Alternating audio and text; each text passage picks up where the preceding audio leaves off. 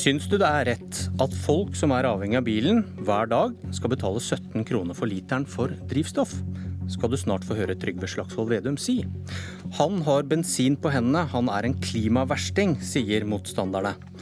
Han ser ikke ut som han bryr seg her han sitter. Samtidig som de fire borgerlige partiene forhandler om statsbudsjettet for neste år, har noe lekket ut fra Senterpartiets alternative budsjett. Og det lukter bensin og diesel. Syns du det er rett at folk som er avhengig av bilen hver dag, skal betale 17 kroner for literen for drivstoff? Det opplevde jeg da jeg var i Troms før i uka. Det som blir så feil, det er at de som har høyest drivstoffpriser, har ikke noe alternativ. De kan ikke ta buss. De har ikke trikken. De har ikke T-bana. Derfor må vi ha priser som er tilpassa det Norge vi har. Og folk i Norge er avhengig av bil.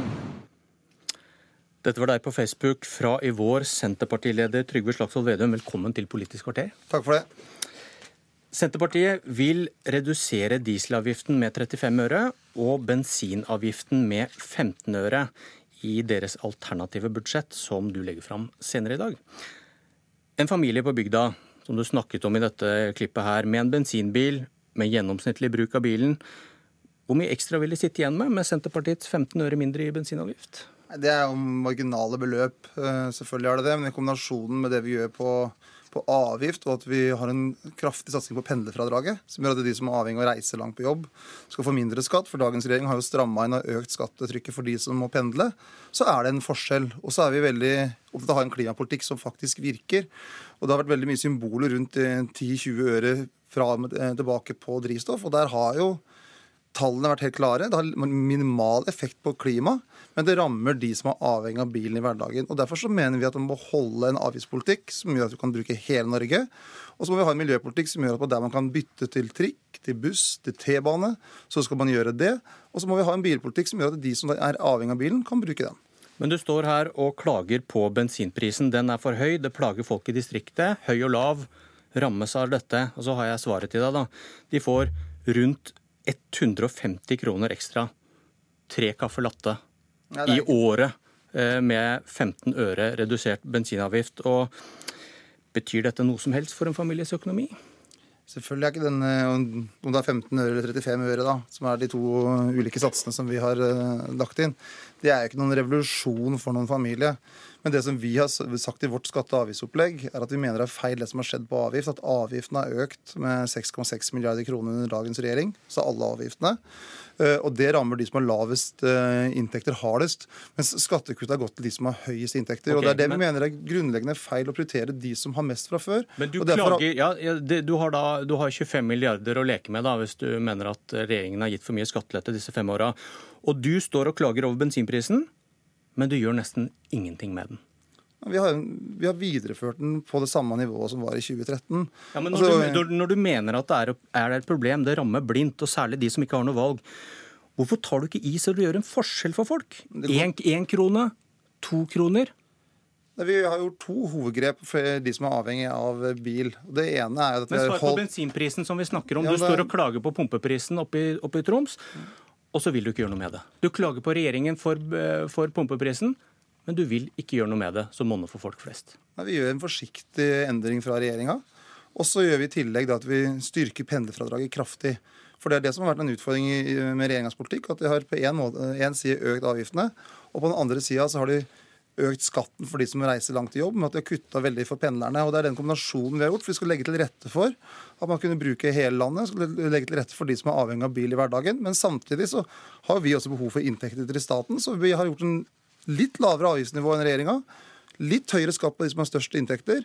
Og så har vi kutta skatten for de som reiser langt til jobb gjennom å kutte i pendlerfradraget. Men skal du fortsette å klage på bensinprisen uten å gjøre noe med det? Altså, Vi har jo lagt et, vårt alternative opplegg altså med på diesel med 35 øre lavere, så er det 35 øre lavere der. Så må folk vurdere sjøl om de syns det er fornuftig eller feil. Men vi har hatt en veldig klar prioritering, at vi skal ha en avgiftspolitikk som ikke rammer de som minst, og ha en avgiftspolitikk som gjør at du kan bruke hele Norge. og Derfor har vi gjort flere gode grep som gjør at avgiftene for folk går ned, mens de som har mest, må betale litt mer. Okay. Senterpartiet mener altså at litt økning av drivstoffavgiftene er urettferdig og ikke gir noen klimaeffekt. Eh, I Stortinget i forrige periode foreslo Senterpartiet sitat, Stortinget ber regjeringen sørge for at dagens avgifter på fossilt drivstoff og forurensende transportmidler gradvis økes.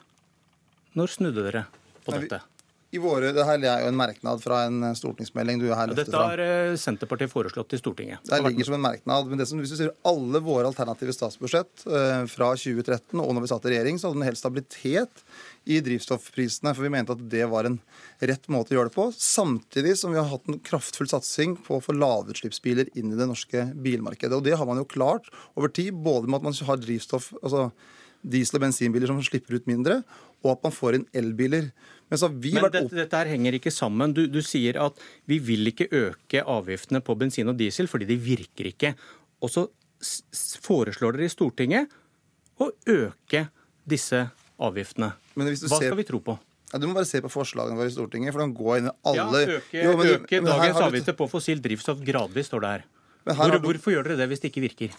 Du finner ikke ett forslag i våre alternative statsbudsjett der vi har økt avgiftene mer enn regjeringa. Vi har hatt lavere avgifter enn regjeringa hele veien, nettopp fordi vi må se på helheten i fordelingspolitikken. Og når vi har sett at regjeringa har økt så mye på avgift, så har det ramma de som har minst fra før, og det har ramma de som har eh, vært mest avhengig av f.eks.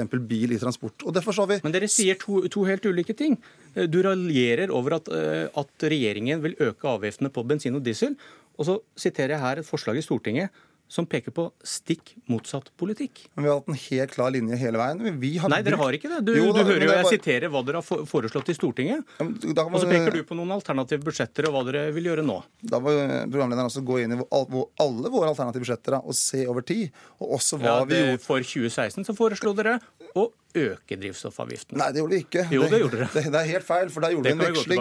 Ja, men det gjorde, ikke for pumpepris, men der gjorde vi en Nei, veksling. Nei, men jeg sa dere foreslo å øke avgiftene. Nei, fordi at man gjorde en andre fritak. Så det, det blir veldig teknisk, og det er helt feil det du sier. For okay. for pumpepris var det ikke høyere. Men vi ønsker å stimulere mer til å få inn mer biodrivstoff i blandinga på drivstoff. Og det har vært en satsing Senterpartiet har hatt over tid. Hvordan kan vi få fram mer biodrivstoff? Hvordan kan vi bruke mer skog inn i drivstoffmengden, så de får ned CO2-utslippene? samtidig som vi ikke rammer vanlige folk som er avhengig av bil i hverdagen. Ok, eh, Alle kan lese Senterpartiets alternative budsjett fra 2016. De eh, kan jo være noen i ja, Politisk kvarter sin lyttere som syns sånt er gøy. Velkommen på det. Ja. Du, eh, Senterpartiet er mot avgifter på klimagassutslipp fra landbruket. Senterpartiet er mot økte avgifter på fossilt drivstoff. Men dere er for klimatiltak som satsing på norsk skog og produksjon av norsk biodrivstoff.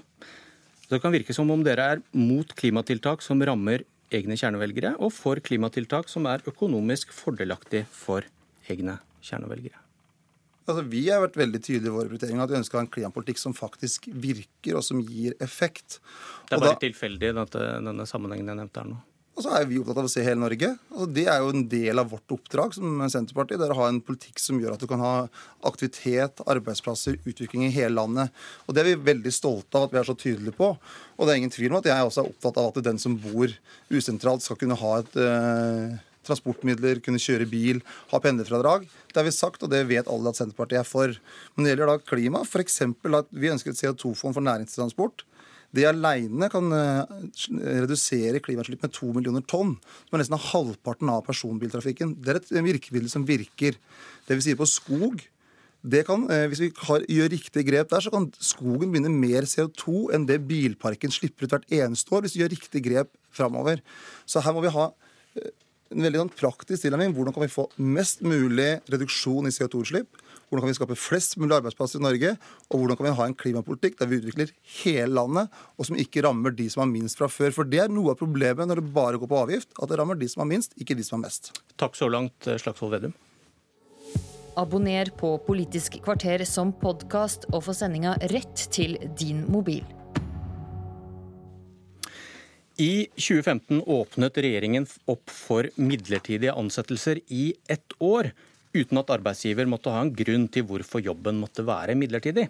Fagbevegelsen og de rød-grønne protesterte voldsomt. Dette ville føre til mange flere midlertidige jobber.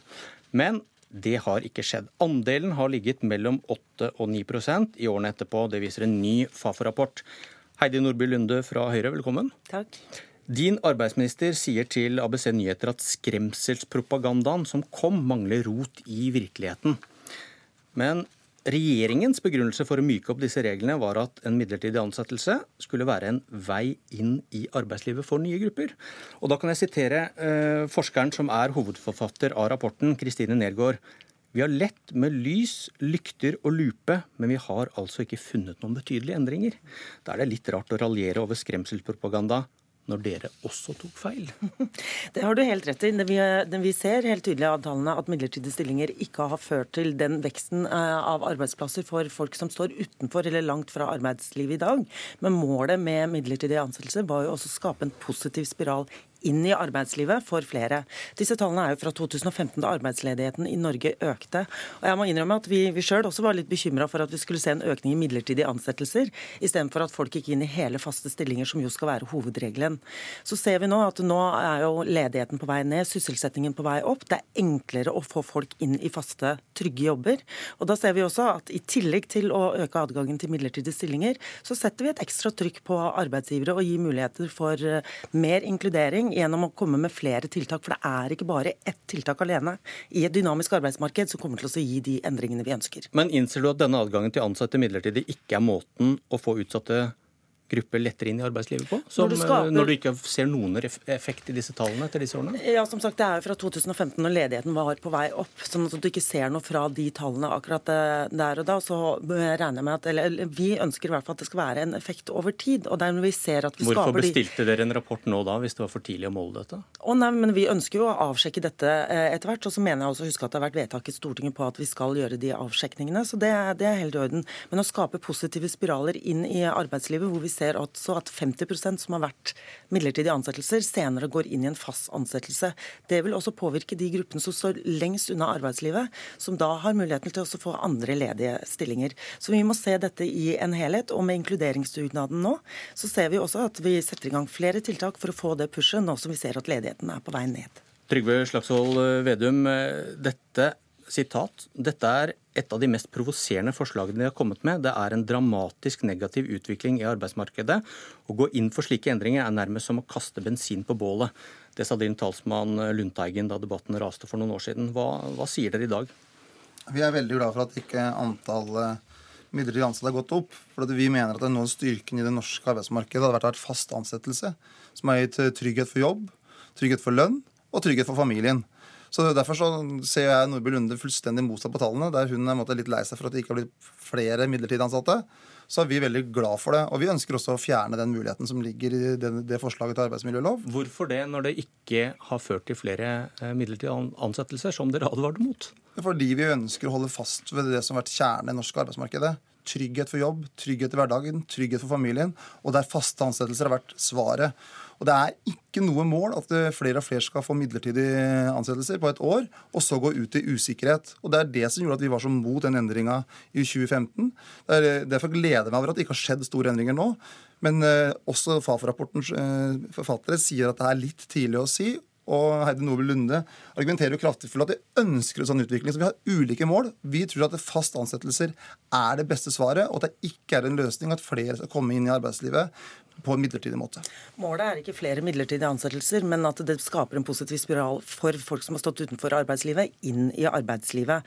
Også, men jeg syns det er fint at Senterpartiet plasserer seg så klart på venstresida i norsk politikk og har den fullstendig grunnleggende manglende forståelse for hva både som skaper arbeidsplasser, og hva eh, næringslivet har behov for. Fordi de eh, midlertidige ansettelser er for midlertidig behov, men det gir også små og mellomstore bedrifter over hele Norge muligheten til å ansette når de er i vekst eh, før de vet helt sikkert om de tør å ansette fast. Så dette her gir muligheter for å skape trygge uh, hele arbeidsplasser over hele landet. Det handler om å ha ordentlige arbeidsfolk for vanlige arbeidsfolk. Og Det er derfor vi vil ha faste ansettelser. Og Det var derfor vi også i Stortinget klarte å få stramma inn regelverket når det gjelder vikarbyråer. At der også skulle regelen være faste ansettelser, sånn at det var trygghet, ikke en utvikling der det blir mer og mer utrygghet, som vi ser i det ene landet etter det andre. Og det er en negativ utvikling som skaper mer konflikt, ikke mindre. Uka er i gang. Takk Trygve Slagsvold Vedum og Heidi Nordby Lunde. Politisk kvarter er tilbake i morgen kvart på åtte. Jeg heter Bjørn Myklebust.